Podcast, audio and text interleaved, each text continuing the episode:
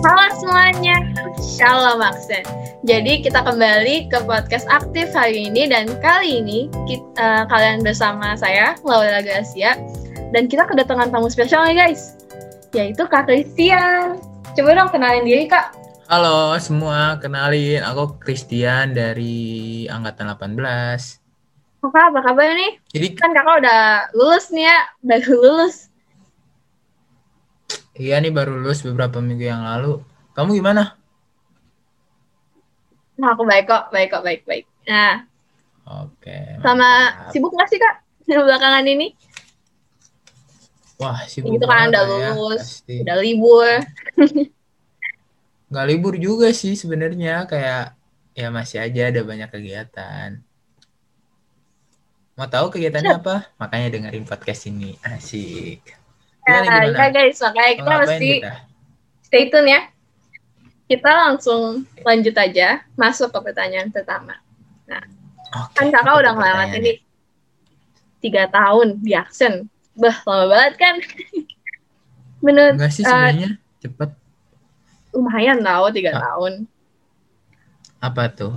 Mananya apa? Mananya apaan? Nah, pelajaran kakak yang paling favorit di Aksen tuh apa sih? Wah, pelajaran ya?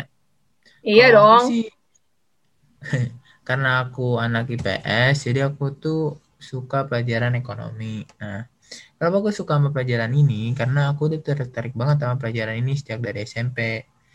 Eh, mungkin bagi banyak orang pelajaran itu dianggap sulit karena banyak banget hitungannya dan teori-teorinya. Tapi menurut aku di antara semua pelajaran IPS, pelajaran itu paling mudah dipahami dan materinya rata-rata berguna buat kehidupan sehari-hari. Seperti kalau kita belanja, pasti kan kita butuh yang namanya prinsip ekonomi. Begitu. Ih, keren juga ya ekonomi. Bermanfaat. Kakak, ada nggak sih kak guru favorit gitu di sekolah? Apakah itu guru ekonomi kakak? Guru ekonomi aku sebenarnya ada dulu pas kelas 11. Pak Kareza, cuma kan dia udah pindah ya. Aduh, itu guru primadona banget tuh kalau cewek-cewek angkatan aku banyak yang naksir sama dia. Waduh. Ka- Hah? tapi kalau misalnya iya eh, bahkan Wah, bahaya. bahaya ya. Bapak-bapak. Tapi kalau misalnya guru selain guru ekonomiku banyak banget sih guru yang sebenarnya favorit sih. Tapi yang tapi yang paling paling favorit tuh udah pasti lah guru bahasa Inggris kebanggaan kita semua ya. Sir Brandon itu kalau ngajar asik banget ya. Dia kayak Sir Brandon, ada Fencer nih sini. Uh, saya lagi dengerin nih, Fencer. Sir ini Sir ini tuh adalah guru yang paling dekat dengan murid-muridnya gitu loh. Kayak aku itu banyak banget kan kayak sering ngobrol-ngobrol walaupun udah nggak jadi guru Inggrisnya kayak tetap aja gitu dengan kontak Sir Ben buat kayak Sir ajarin dong Sir ajarin dong kayak terus dibantu sama Sir Ben buat belajar gila. Sirnya baik banget semua. Asik ya. Asik. Nah, sayang sayang banget ya Brandon cuma ngajarnya di IPS. Aku di IPA kagak diajarin dong. Ya, eh, jadi ini untuk Sir Brandon bagi Sir Brandon yang ing- eh, mendengarkan, Sir harus ngajar Laura kelas 11 nanti. Amin, ngajar IP, ngajar ngajar IPA dong, jangan ngajar aku doang. Iya, ngajar IPA. Iya ya. Boleh sih, boleh dicoba. Amin. Amin, Amin. kelas 11 jadi Amin, guru kelas IPA. 11. Nah, coba deh, kan tadi kita udah nanya kan ya pelajaran favorit. Sekarang pelajaran yang paling kakak nggak sukain tuh apa sih di sekolah? Oh, Kalau aku sih pelajaran yang aku nggak suka tuh sebenarnya pelajaran udah pasti lah ya pelajaran matematika karena anak-anak anak IPS ini sulit banget loh menga- apa memahami pelajaran matematika. Bahkan teman-teman aku juga sering bolos pelajaran matematika. Bahkan pernah sampai sekelas gitu bolosnya. Sengamut itu belajar mat. Eh, tunggu, tunggu. Sadar. Kan tadi kakak bilang kan ya, sukanya sama ekonomi. Terus Iya. sekarang kakak bilang nggak suka sama mat. Gimana? Begini. Bukannya itu udah kayak paralel gitu ya? Sama-sama ngitung. Kalau ekonomi matematika kan sebenarnya kan agak bertolak belakang sih sebenarnya. Ada sih pelajaran matematika yang ada di ekonomi. Tapi kalau ekonomi itu hitungannya jauh lebih jelas karena kita kan buat kayak bener-bener ada banget lah ya contoh realnya di kehidupan kita sehari-hari. Nah, kalau misalnya matematika itu kan kalau misalnya di IPS kan agak nggak terlalu berguna ya. Maksudnya ada sih beberapa materi yang berguna, tapi ada juga yang kayak misalnya kita belajar sin kostan nih. Kita ngitung-ngitung sudut nih. Kan itu jauh lebih berguna buat anak-anak IPA ketimbang anak-anak IPS yang belajar sih. kayak gitu. Jadi kayak Iya. jadi Aku yang penyampaian kayak itu. gitu agak susah susah dipahami. Begitu ceritanya. Cuman jangan jangan salah jangan salah sangka juga ya guys. Sebenarnya matematika menurut aku sendiri ya mungkin mungkin ini dari sudut pandang anak IPA tapi Wis, anak IPA Eh, gitu. Gimana? iya anak sudut IPA. pandang Mungkin anak dari gimana? soalnya aku nggak pernah belajar geografi ataupun segala macam itunya. eh kayaknya ada sih fungsinya. Matematika kan mungkin itu lebih eh, ke statistika ya. Kalau misalnya di IPS ada nggak ya stat- statistika? Ada. Jadi di statistik eh, jadi kayak statistika mungkin yang kayak eh, mencari mean median modus. Nah, itu biasanya buat anak-anak sosial perlu sih. Nah, ya, nah itu kan juga terdapat kan di mat. Jadi, ya mat juga berguna sih. Dan Ad- itu pun juga untuk mendalami kan ya, untuk Iya. mendalami pelajaran yang ada. Biar kita juga tahu sebenarnya suka apa. Bergunanya ada, tapi kadang-kadang banyak pelajaran yang kayak terlalu melenceng sama ekon sama ekonomi sama pelajaran-pelajaran IPS. Jadi Hmm. kayak banyak yang berguna tapi banyak juga yang nggak berguna gitu loh. Hmm. Ya, Tapi ilmu pengetahuan, ilmu pengetahuan selagi kita masih bisa dapetin ya, kenapa enggak gitu loh ya. Betul, tapi cuman buat sebatas pengetahuan oke lah ya. Walaupun Oke, sebenarnya iya. kita nggak mencerna nggak mencerna pe- pelajaran itu nggak bisa mencerna. Tapi ya udahlah. Ya, Oke. Iya, kayaknya semua murid bisa relate dengan itu. Oke, kita aku pengen nanya nih, Apa kan tuh? tadi kakak bilang kakak nggak suka sama mat.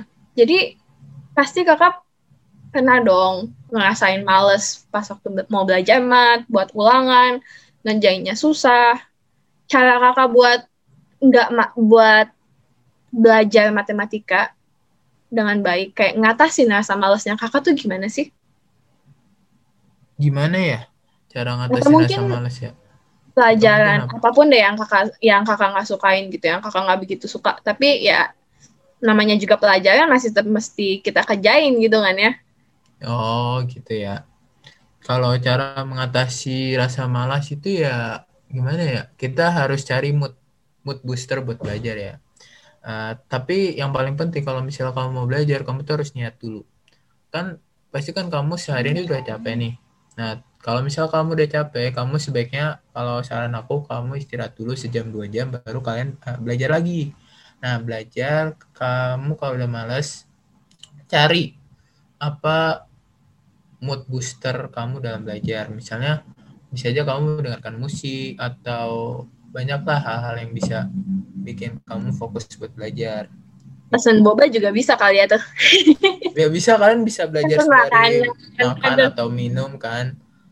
Dan kalian juga Tapi jangan belajar, sampai salfok ya. Nah, ya, kita kasih bukan makan, belajarnya lupa. Nah, kalau bisa kalian juga jangan kayak terus-terusan kayak makan apa terus-terusan kayak kalian boleh belajar. Nah, kalian kalau belajar itu harus spare waktu juga buat refreshing kan. Tapi juga jangan terusan. Misalnya kalian main HP bentar terus ya udah belajar lagi. Pokoknya Hmm, jangan ke iya distract lah, jangan keganggu. Setuju, Gitu. setuju. Jadi kita mesti Mesti apa? mesti kita imbangin di antara belajar dan mainnya. Iya dong, harus. Nah, em, kakak mau nggak sih kak ceritain beberapa suka dan duka selama belajar di aksen? Suka duka. Wah, sebenarnya kalau suka duka Ya beberapa aja sih, nggak usah semua. Pasti kan banyak banget ya. beberapa aja yang menurut kakak paling mengesankan gitu sama di aksen. Sebenarnya kalau ngomongin pengalaman suka duka sama aku di aksen itu kan satu setengah tahun ngalamin masa offline dan online ya. Itu tuh banyak banget rasa suka dan dukanya. Kayak rasanya tuh cepet banget gitu loh masa SMA-nya. Kayak belum-belum udah kuliah aja. Masih ingat banget aku waktu awal-awal menginjakan kaki pertama kali di putih abu-abu. yang tadinya belum kenal siapa-siapa sampai harus meninggalkan masa putih abu-abu itu kayak there's too many happiness that can be shared gitu ya banyak banget sukanya kalau benar sih kata orang-orang kalau masa SMA itu masa yang paling menyenangkan kayak banyak banget lah dari mulai kenal banyak orang bisa belajar bareng bisa berjuang bareng ikut kegiatan-kegiatan yang seru Iya sih. kalau Itu kan misalnya itu apa salah satu gimana ya? Ini menurut menurut aku sendiri ya. SMA itu salah satu waktu di mana kita benar-benar ngembangin diri, benar-benar nyari jati diri gitu nggak sih? Karena kan kita juga nyiapin buat jurusan kuliah dan kita pekerjaan ke depannya mau gimana. Jadi itu kayak masa-masa SMA benar-benar masa yang perlu kita anggap serius gitu. iya Menurut kakak gimana?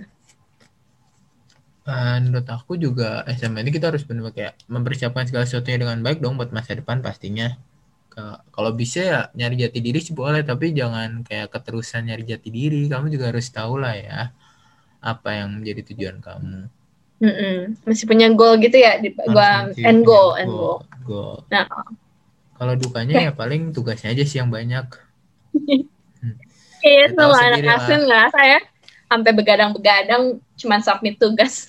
Iya, aku sih di aksen itu ya tidurnya pasti udah jam 3 sampai jam 4 pagi mulai ya tiap kali. Apalagi kalau offline, beh, offline. Beh. Untung sih untung online nih jadi kayak masih nggak terlalu capek. Tapi sama aja sih online offline sama aja berat tugasnya.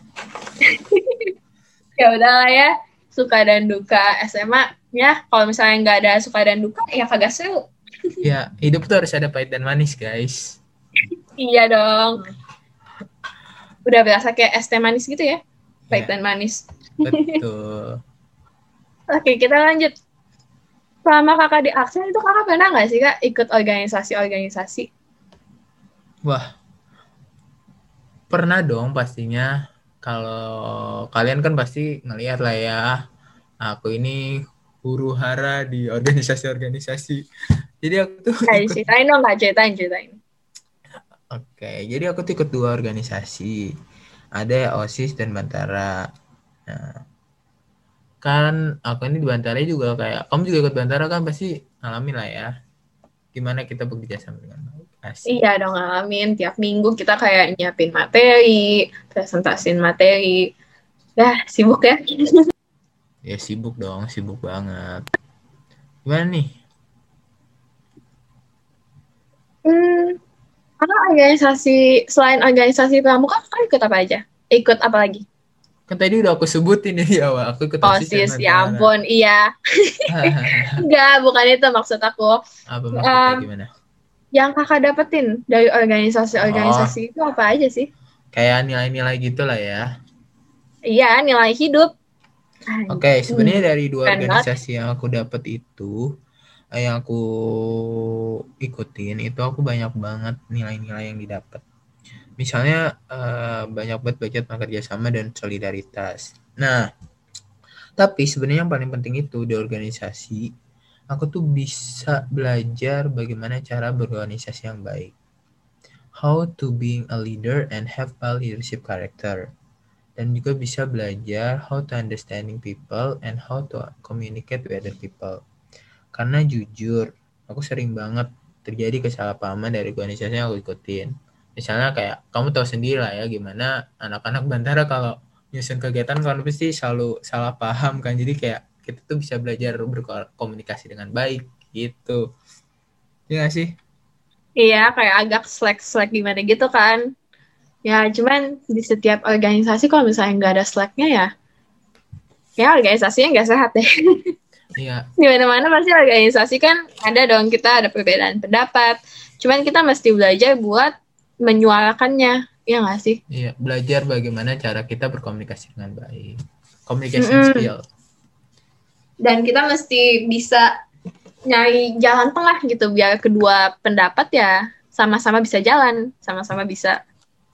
Betul. tidak ada pihak yang tersinggung gitu loh. sehingga nanti tujuan organisasi tersebut bisa tercapai dengan baik. Kegiatannya bisa dilaksanakan secara optimal begitu.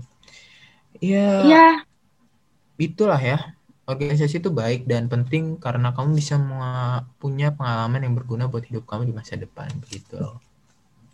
Kakak ada nggak sih uh, satu satu uh, mungkin memori yang paling kakak ingat gitu paling berkesan buat kakak selama ngikutin organisasi?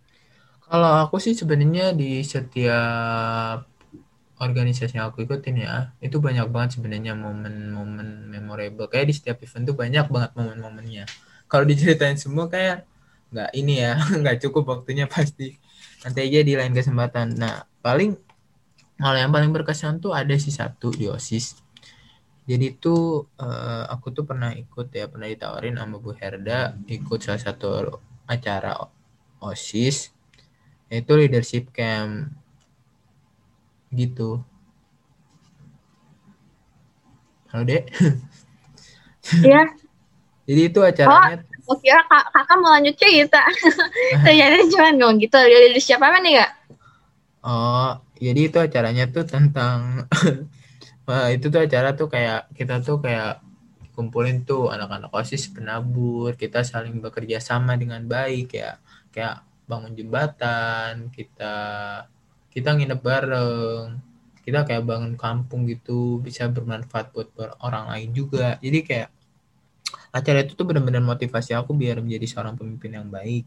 Dan juga bisa dapetin teman-teman baru dari sekolah penabur nah kita juga bisa belajar bekerja sama dengan orang yang belum kita kenal sebelumnya nah itu acaranya seru banget kalau nanti kalau misalnya pas Oven udah ditawarin misalnya sama Bu Herda ikut aja Wah, acaranya seru banget. Parah. Juga ya, berarti kita juga sambil kayak memperluas koneksi-koneksi kita gitu ya. Koneksi pertemanan. Jadi tahu dari mana-mana gitu kenalannya. Iya, bisa kenal dengan banyak orang-orang baru yang pastinya seru lah. Kalau di asik, kan di OSIS, kalau di Bantara juga acara ada acara yang sama kok namanya Wirakarya. Jadi ya sama aja sih. Tapi itu acaranya seru seru banget kalau kita kelas 11 kita ngalamin lah kan kita masih sekarang uh, yang anak-anak kelas 10 masih kelas 10 tapi mungkin tahun depan ya kayak ya iya, mungkin amin. Amin. Jadi kita doain aja semoga pandemi cepat berakhir biar kamu juga bisa ngerasain. Ada ya, yang juga bisa ngerasain. Betul. Udah mulai bosan nih masih di rumah. Cuma udah setahun. nah. oke okay lah. Lagi nih yang mau kakak, ditanya. Nah, ini ada, ini ada satu lagi nih. Apa Menurut nih? kakak, hal-hal yang beneran patut kita ikut sertai atau kita lakuin selama di aksen tuh apa aja sih? Oh, jadi kalau misalnya kamu untuk selama di SMA ini, hal-hal yang pasti harus dilakuin itu udah paling penting, udah paling mutlak, ya pasti harus belajar dong. Iyalah ya. Ya tentu kan namanya juga pelajar. ya karena kewajiban pelajar nggak belajar gimana dong? Iya. Dan tapi kamu tapi kamu juga nggak muluk-muluk harus belajar banget gitu loh. Di aksen banyak loh kegiatan-kegiatan yang seru. kayak kalian harus kayak ikut organisasi. Organisasi kan banyak ya, ada organisasi PMET, Bantara atau OSIS. Jadi kalian kalau mau join bisa aja loh join. Iya kan? Iya, iya dong. Organisasi tuh emang emang tadi kan udah disebut juga kan ya, emang bermanfaat. Nah, cuman ya uh, gue punya pertanyaan gue punya pertanyaan deh buat kakak Apa? kan kita ikut organisasi ini misalnya kita ikut organisasi mungkin kita ikut dua organisasi sekaligus gitu hmm. nah kita kan mesti pintar-pintar ngatur waktu kan ya. Biar ya biar semuanya bisa kerja gitu loh. Nilai kita masih bagus. Tapi kita juga aktif dalam organisasi.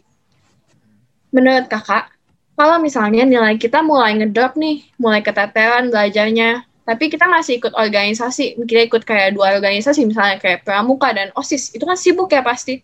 Menurut kakak mending kita relain organisasinya, atau kita memperbaiki time management kita dalam belajar, dalam ngatur, uh, ngerjain tugas buat organisasi. Menurut kakak mending kita ngelakuin yang mana? sebenarnya kembali lagi ya baik lagi ke diri kalian sih tapi kalau misalnya kalian ikut organisasi kalian harus benar benar-benar kayak nilai kalian nggak boleh turun kayak apalagi di aksen kan peraturan itu sangat ketat ya jadi kayak kalau misalnya nggak uh, nilai kalian turun tuh nggak boleh ikut organisasi. Makanya kadang-kadang kalau misalnya ada orang yang ikut organisasi terus nanya turun pasti kan langsung dipanggil sama walas atau nggak guru BK terus ditanyain kamu gimana? Biar kayak kalau lebih baik sih ya uh, jangan terlalu fokus juga sama organisasi karena belajar itu tetap penting. Jadi kamu tuh harus jangan lupa belajar tapi kalau kamu ikut organisasi harus bisa mencari waktu yang baik bagi Berarti kita mesti komitmen ya, komitmen dengan waktu kita juga. Harus komitmen dengan waktu dan komitmen dengan nilai kamu. Jangan mm-hmm. jangan menurun, jangan ngedown lah ya. Nah, ngomongin nilai-nilai ya, kan saja ya itu udah pasti lah yang pertama dibanding dibanding kegiatan-kegiatan, organisasi-organisasi. Apalagi kita masuk kelas 12 nih. Kelas 12 kan kita masih nyiapin PTN, mesti nyiapin buat uh, ujian sekolah, kelulusan, kuliah. Eh, gila, ribet sih. Aku gak kebayang kakak pas aku kelas 12 gimana. Pasti sibuk ya, Kak? Sibuk banget dong. Apalagi kan sekarang aku habis lulus ini masih aja tuh. Uh, uh, masih ikut bimbel buat persiapan mandiri. Sembari nanti tungguin tanggal 14 Juni. Ya, aku sih mau doanya ya buat adik-adikku sekalian, Bapak Ibu guru. Udah, Kak amin aja. Yang penting kita yakin pasti kita dapetnya yang kita yakinin. Amin. Yakin aja yakin. Yakin amin harus yakin bagus, dong. Bagus iya. lah. nah. Uh, kita lanjut nih. Kita lanjut. Menurut kakak, kan kakak udah lewatin ya kelas 12 buat nyiapin PTN, buat nyiapin ujian sekolah dan segala macamnya. Pasti kakak udah yakin dong dengan, dengan jurusan yang kakak pilih? Udah dong. Udah ada jurusan belum di pikiran kak? Udah dong. Mau masuk ke mana? Uh, udah ya? Udah lah ya, udah lah, udah pasti. Oke oke. Okay, okay. Berarti nyambung nih nanti sama pertanyaan ini. Oh, Gimana sih caranya kakak bisa yakin sama jurusan yang kakak udah pilih? Karena pasti hmm. banyak ini kita dari kita aja tuh yang kelas 10 kita banyak yang kayak ah gila gue nggak tahu mau jurusannya tuh apa udahlah ntar aja lah pas udah kelas 12 gue bahkan nggak tahu mau kuliah di mana Oh. Menurut kakak cara nentuin atau cara kita mastiin gitu kita bisa cocok di di jurusan mana gimana? Uh, mungkin kamu mengalami kali ya, masih milih-milih jurusan kali ya. Belum terlalu yakin sama jurusan kamu yang kamu pilih? Iya. ya, ya, jadi gini, gimana sih cara kita yakin sama jurusan itu? Kalau misalnya dari kelas 10 sama kelas 11 kan pasti bisa lah kalian harus persiapin. Jadi kalian tuh harus bener-bener tahu diri kalian. Look yourself ya. You have to know yourself kenal diri kalian.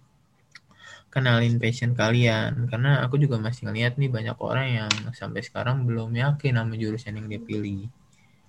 Pokoknya kalau milih jurusan harus sesuai dengan minat dan bakat kamu. Juga jangan Berarti emang perlu kita nentuin dari sekarang kan ya Iya, apalagi kamu kelas 10 kan masih banyak, jadi eh, masih lama waktunya. Jadi jangan kayak pas kelas 12 nih harus nentuin, harus harus dilihat lagi dari kelas 10. Gimana passion kamu? Udah mesti bisa nentuin dari sekarang. Gila, berarti kalau yang mikirnya baru kelas 2, kelas 12, unik dong ya? Iya, karena aku juga jujur awalnya juga dari kelas 10 sama kelas 11 tuh masih nyantai-nyantai aja, tapi ternyata baru ngerasain ya kelas 12 ini kayak berat banget gitu banyak banget yang harus dipikirin jadi ya harusnya sih ya pertimbangannya banyak sih apalagi kan SMA buat ya kayak yang tadi dibilang SMA kan buat masa depan buat milih kayak pekerjaan mau di mana kita nanti mau ngapain. Betul banyak gitu loh taruhannya. Tapi kan kamu kalau misalnya milih jurusan itu harus sesuai dengan minat kamu kan seperti yang tadi aku bilang. Mm -mm. jangan ikutin teman jangan ikutin orang tua kalau misalnya orang tua kamu mau minta di jurusan ini tapi kamu nggak mau ya kamu sebaiknya tolak aja gitu karena bukannya belajar uh, ngajarin nggak sopan ya kar tapi karena ini kan kalau misalnya jurus kan beda lagi kan urusannya kayak udah di masa depan kamu ini kan kayak hidup hidup kamu sendiri kan jadi kayak harus iya. benar-benar ikutin kata mesti kita sendiri. yang benar-benar passionate tentang jurusan yang kita pilih soalnya gue mikir juga ya itu kan kuliah berapa tahun sih? Paling cepet kan tiga tahun. Cuman kalau misalnya lama bisa tujuh tahun enam tahun. Iya. Itu aku gue sendiri sih nggak kebayang ya. Kayak kalau misalnya kita, kita milih jurusan nih, tapi cuman milih gara-gara kita ikut orang lain. Bisa-bisa tengah, bisa-bisa baru dua tahun kita udah udah kabur, udah kabur duluan, udah berapa duluan. Iya, itu nggak baik sih karena itu kuliah itu biayanya itu jauh lebih mahal daripada SMA dan kuliah itu beda. Nggak nggak bisa sembarangan kayak SMA. Kuliah itu bener-bener kayak bener-bener persiapan diri kamu itu harus matang buat kuliah. Itulah dan jangan lupa berdoa kepada Tuhan. Biar pasti iya betul. Biar kamu Lanjutkan, yakin, oke. biar kamu dikasih jalan sama Tuhan, biar kamu bisa yakin apa yang menjadi bagian dalam diri kamu. Mm-mm, karena kita semua juga punya panggilan kan ya di dalam Tuhan. Jadi kita mesti balik balikin lagi semuanya ke Tuhan tuh sebenarnya ngarahin kita ke mana. Tapi kalau misalnya kamu belum tahu juga, kamu bisa ikut aja kayak kegiatan-kegiatan banyak kok sekarang kegiatan-kegiatan kayak tes minat bakat gitu di online banyak. Itu bisa juga membantu kamu buat memilih jurusan yang kamu impikan. Iya sekarang kan sekarang banyak ya yang kayak seminar-seminar gitu, seminar dari UI, UGM ataupun dari universitas mana lah. Udah banyak yang udah nawarin kayak, eh kita ada jurusan ini ini ini loh, kalian ikut dong, ini itu. Udah banyak gitu pilihannya. Cuman sekarang kayaknya pertanyaannya tinggal kita aja, kita aja yang mau apa enggak nyainya gitu loh. Dan kalau bisa jangan terlena sama jangan kayak kayak mikirnya gini kelas 10 udahlah masih kelas 10 ini masih nyantai-nyantai nggak usah belajar gitu kan. Jangan karena saingan buat masuk ke univ tuh sekarang berat banget ketat banget. Aku akuin kok di tahun aku apalagi pandemi kan. Jadi kayak susah banget buat masuk PTN gitu loh. Apalagi kalau kalau yang kalian mau PTN kan. Tapi univ-univ lain juga sama aja sih sama-sama ketat. Jadi ya harus benar-benar dipersiapkan matang. Mm-mm. Iya sih setuju gue. Dan soal milih universitas, kakak ada saran nggak sih buat kita milih universitas? Mungkin eh, pendapat kakak mengenai universitas swasta atau negeri, mending yang mana? Menurut kakak gimana? Kalau menurut aku sebenarnya eh, kalian jangan terpaku sama kan sekarang banyaknya orang tua atau kalian sendiri pengennya kuliah di PTN ya. Kalau menurut eh, menurut kalian kan PTN itu jauh lebih bergengsi, jauh lebih bagus. Sebenarnya enggak juga sih. Karena sekarang ini perguruan tinggi swasta dan apalagi di luar negeri juga jauh banyak yang lebih bagus juga daripada PTN. Jadi eh, kalian kalau bagi kalian yang mau kuliah di swasta apa kuliah di luar negeri ya jangan malu. Tetap kok punya jalannya masing-masing. Yang penting kitanya yakin ya. Kita yakin dulu mau jurusan di mana. Terus nanti kita baru lihat deh eh, universitasnya tuh cocoknya di mana. Tapi gue setuju sih. eh, emang negeri sama swasta itu nggak bisa dibanding-bandingin gitu loh. Dua-duanya sama-sama bagus. Tergantung aja jurusan kita pilih, eh, jurusan yang kita pilih itu apa. Lebih cocok di mana. Ya begitu sih. Nah, Tapi ya kenapa nih? Kayaknya masih ada yang galau ya, Kak Christian. kalau apa nih? Nadanya aja tadi aku dengar. kalian nggak ini sih ya apa sih? Misalnya kalian selama tiga tahun ini masih belum tahu nih tujuan kalian passion kalian. Kalian bisa kok ngambil satu tahun jeda jadi kayak gap year gitu. Kalian selama gap year kalian bisa lebih mengenal diri kalian sendiri. Kayak banyak kok teman-teman aku juga yang gap year jadi kalau misalnya kalian gap year juga jangan malu ya nanti karena sekarang orang-orang banyak kok yang gap year Oh iya, berarti kita mesti tapi mesti ngambil lagi- waktu ya. Jangan terburu-buru gitu buat milih juga. Iya, tapi baik lagi kepada diri kalian sendiri. Kalau kalian udah yakin, kalian pilih jurusan itu. Tapi kalau kalian belum yakin, kalian bolehlah ngambil jeda satu tahun. Nggak, nggak terlalu asik. efek apa-apa kok buat hidup kalian ke depannya nantinya. Kan semua udah Mhm. jalannya masing-masing. Betul. nah, sekarang nih guys. nih? Apa nih? Sekarang. Kita udah di penghujung acara kita nih. Ujung acara nggak tuh? Gimana gimana? Nah, Kak Christian ada nggak sih uh, mungkin kesan atau pesan bagi adik kelas, guru-guru, ataupun uh, teman-teman serangkatan? Bisa deh sampaikan sekarang. Waduh, berat banget ini kayaknya. Oke, okay, pesan-pesan ya. Entengin lah kan, entengin. Entengin. Oke, okay, gini. sebenarnya selama podcast ini tuh banyak banget ya sebenarnya pengalaman-pengalaman atau kayak pesan-pesan yang aku sampaikan sih sebenarnya sih. Cuman mungkin untuk penut sebagai akhir ya. Oke, untuk teman-teman aku satu angkatan, teman-teman aku satu angkatan, aksen 18 terus berjuang untuk meraih cita-cita. Nanti ditunggu kisah suksesnya nanti kalau kita udah jadi kakek-kakek, nenek-nenek. kita reuni, kita bisa berbagi pengalaman lagi. Uh, juga untuk Bapak Ibu guru juga terima kasih atas bimbingannya selama ini. Maaf juga apabila selama ini saya punya salah, kan. Nah, terakhir untuk adik-adik aku ini kelas 10, buat Laura juga, buat adik-adik kelas 11. Uh, eh, pesan aku ini sih, nikmatin masa SMA kalian selagi kalian bisa karena kalian akan pasti merindukan masa putih abu-abu kalian ini. Kalau bisa, uh, kalian harus ikut kegiatan yang bermanfaat. Jangan jadi kayak, jangan nakal di SMA ini. Kalian nakal boleh, tapi jangan keterlaluan lah ya. Kalian kalau bisa... Kalian nih mempromosikan kenakalan. kalian boleh nakal, tapi jangan kelewatan. Maksudnya nakal itu arti kan bukan nakal yang negatif. Kayak nakalnya yang positif, yang bermanfaat gitu loh Apaan tuh nakal yang bermanfaat? Iya, iya Aku penasaran nih, nakal yang bermanfaat. Gimana nih? Kita eh, jelasin dong. Kok jadi ngeblank? Nakal bermanfaat itu tuh kayak artinya kayak gimana ya? Uh, lu boleh, oh ya, kamu boleh, lu boleh, lu boleh bolos, tapi nggak nggak boleh bolos juga ya kalau dibilang ya Gimana sih? Pokoknya nakal Jangan jangan bolos ya guys. Guys jangan, jangan bolos, bolos guys. guys. Jangan bolos, jangan bolos.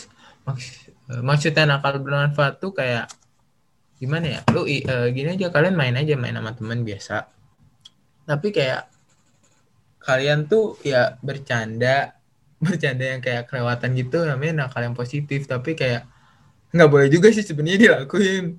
Tapi gini ya, aja deh gini gini gini. hal positif mungkin aktif aja kali ya. Aktif dalam bersosialisasi. Nah, ya, aktif, aktif dalam ngobrol sama mungkin sama guru bahkan. Kita bercanda sama guru. Oh. Oh iya mungkin uh, ceng-cengin guru gitu kali ya, tapi juga jangan ngerjain guru. Yang penting, baik. yang penting kita masih sopan. Yang penting kita masih ingat sopan santun. Tahu krama lah.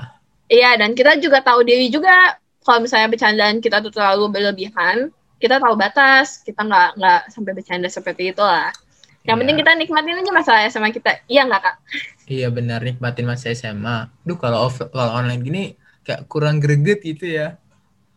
Paling apa ya? Paling cuma kayak nge-mute guru, ngeluarin guru. Eh, jangan jangan eh, jangan jangan. Eh, itu nggak baik itu nggak baik. Gak boleh. Gak boleh gak boleh gak boleh. Maaf ya guys.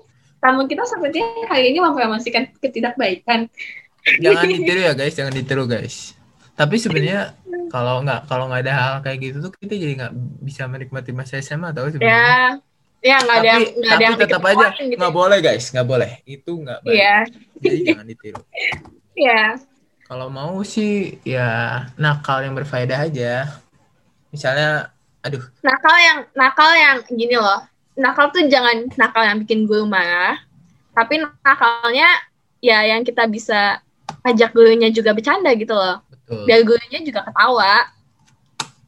Nggak cuma kita doang yang ketawa gitu loh. Iya. Atau bisa juga loh kalian kayak ngegodain adik kelas itu nakal yang bermanfaat juga gak sih atau nggak tahu.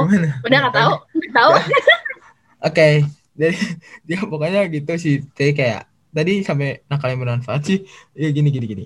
Pokoknya jangan lupa kalian juga harus bisa menentukan masa depan kalian. Karena masa depan itu diatur dari diri kalian sendiri bukan dari orang lain. Nah pokoknya kalian harus kenali diri kalian kenali passion kalian. Nah jangan lupa juga harus persiapin segala sesuatunya dengan baik. Biar nggak kagok nanti pas daftar perguruan tinggi Kalau kalian niat sih boleh belajar dari kelas 10, kali kelas 11, belajar UTBK, belajar mandiri karena susah loh.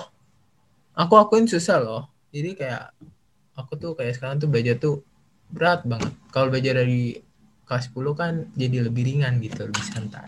Iya, bahkan tuh sekarang um, guru-guru udah mulai masukin kan ya, kayak soal-soal UTBK, soal-soal UN, udah mulai biasain gitu buat anak-anak 10. Karena ada juga kayak uh, salah satu guru di uh, mata pelajaran aku yang udah mulai masukin soal-soal seperti itu buat untuk mungkin untuk mempersiapkan kita PTN ya.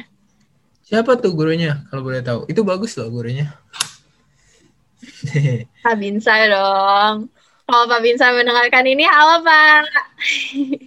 Makasih ya Pak udah masukin soal-soal yang um, susah sih Pak sebenarnya susah banget pak tapi bermanfaat ya makasih ya pak Bu Susi juga loh, Bu Susi juga kadang-kadang ya halo Bu. Iya kan? Bu Susi juga kadang-kadang Bu Susi itu dan guru-gurunya juga sebenarnya banyak yang apa udah mulai ngedil dari kelas 10. Mungkin iya. kalian nggak ngerasain, kalian baru ngerasain kelas 12. Oh iya, ini kan kita pernah belajar di kelas 10. Gitu. Ya, yang penting baik untuk kita lah ya. Iya sih nanti kan kalau kalian belajar dari awal kan kalian juga nggak stres-stres amat dong kelas 12. Mm -hmm. Udah udah terbiasa gitu ngeliat soalnya. Yoi. Pokoknya kalian tuh hidup tuh harus mulus saja, harus lurus. Jauhin hal-hal negatif. Kayak Betul. Contohnya kayak tadi kenakalan-kenakalan yang ada. Aduh. Selain itu udah kenakalan itu sebenarnya itu masih biasa sih. Ada lagi yang lebih parah sebenarnya Udah. Kayak kalian tuh harus taat peraturan sekolah. Jangan memberikan ide-ide kepada adik kelas adik kelas. Bener. Kalian tuh harus taat, taat peraturan sekolah dong, harus menjaga tata. Ya, iya. Cuman kalau misalnya kakak mau nyeritain kenakalan yang lebih parah lagi. Gak kenakalan eh, dong. Jangan deh. Aku, aku jangan mau deh. kasih tahu kalian tuh jangan berbuat, jangan kayak, jangan rokok, jangan udah pasti nih ya kalau buat anak-anak cowok udah pasti kalian tuh nggak boleh celana pensil harus ikutin aturan kan biasa tuh anak-anak SMA sekarang apalagi pas offline tuh. Itu teman-teman aku kan banyak tuh. Banyak banget yang tanya pensil ketat-ketat. Cewek-cewek juga nggak boleh tuh apa motong-motong rok biar pendek itu kan kayak jatuhnya kan nah. kita juga harus sopan ya di sekolah ya. Harus tahu tata tertib rambutnya juga kayaknya sih di penaboy emang udah cukup ketat sih ya. Ya baik, udah ketat baik. tapi masih banyak aja yang ngelanggar gitu loh Iya sih, iya banyak banget. Iya, aku. ya pokoknya, ya pokoknya ya. pada pada intinya pokoknya kita intinya, naatin peraturan sekolah. Naati kan? peraturan dan hidupnya harus mulus, jangan terlalu neko-neko. Ya pokoknya intinya itu aja sih sebenarnya. Ya kalau misalnya kalian mau masih mau ngobrol-ngobrol lagi mau butuh apa-apa, lagi kalian bisa kok hubungin aku atau teman-teman aku kan. Ya Oh lah nanti di aksi ini juga bakalan di share kan Instagram aku. Bisa DM aku aja kok. Ya ini kayak kalau, promosi gitu ya, ya agak promosi, promosi gitu. gitu. ya? Nggak pokoknya kayak tapi tapi bener loh. Aku sama teman-teman aku bisa bantu kok walaupun kita istilahnya udah nggak jadi mm -hmm. udah nggak ya mungkin tuh kan pengalaman gitu ya kak. Ya tapi kita juga bisa ya berbagi pengalaman. Kita juga masih bagian kok dari keluarga besar semak tujuh penabur Iya sih. Mungkin gimana ya biar lebih asik aku tambahin ayat Alkitab kali ya karena kita kan adalah boleh dong. Nilai, -nilai tambahin aja gas dong. Biar ada gas, nilai gas. biar ada nilai PKBN 2K aja nih. PKBN 2K yeah. Iya. Udah. Okay. Uh, aku sih yes. mengutip dari Yesaya 41 ayat 10 ya. Yang berbunyi gini. Jangan takut sebab Aku menyertai engkau. Janganlah bimbang, sebab aku ini Allahmu. Aku akan meneguhkan, bahkan akan menolong engkau. Aku akan memegang engkau dengan tangan kananku yang membawa kemenangan. Nah, jadi buat kalian, jangan pernah takut untuk gagal dan kecewa. Karena kalian harus tetap percaya bahwa akan ada pelangi sehabis hujan yang akan selalu menyinari hari kalian. Nah, kalau kalian berusaha fight terus di sekolah ini, di aksen ini, usaha kalian tidak akan mengkhianati hasil kok. Hidup hidup kalian harus mulus seperti yang aku tadi bilang, nggak boleh neko-neko. Pokoknya apa yang hari ini kalian dapat di aksen, suka duka, pengalaman, pahit manis. Itu pastinya percayalah pasti akan berguna di masa depan kalian. Kalau kalian mikir, buat apa sih dikasih tugas banyak-banyak, capek-capek? Apa sih gunanya tugas sekolah selama ini? Mungkin kalian mikir, ini guru cuma nama-nama nilai dong buat apa? Tapi sebenarnya jatuhnya lagi itu berguna loh buat kalian. Aksen ini bisa bikin kalian fight buat nanti di kuliah nanti. Jadi, ingatlah itu semua dan mungkin itu aja yang bisa aku sampaikan sih. Terima kasih, Tuhan berkati. Nah gitu deh guys, laser dari kakak Christian. Jadi kita bakal menutup acara kita pada malam uh, pada hari ini. Pada hari ini. Iya, pada hari ini, pada hari ini. um, semoga kalian menikmati ya podcast kita, podcast kecil kita ini. Kecil Dan ya kecil, ya kecil lah. Ya kecil lah ya. Iya. Oke. Sampai jumpa, sampai uh, sampai jumpa di podcast selanjutnya guys. Dadah. Dadah. Terima kasih semua. Terima kasih udah dengerin.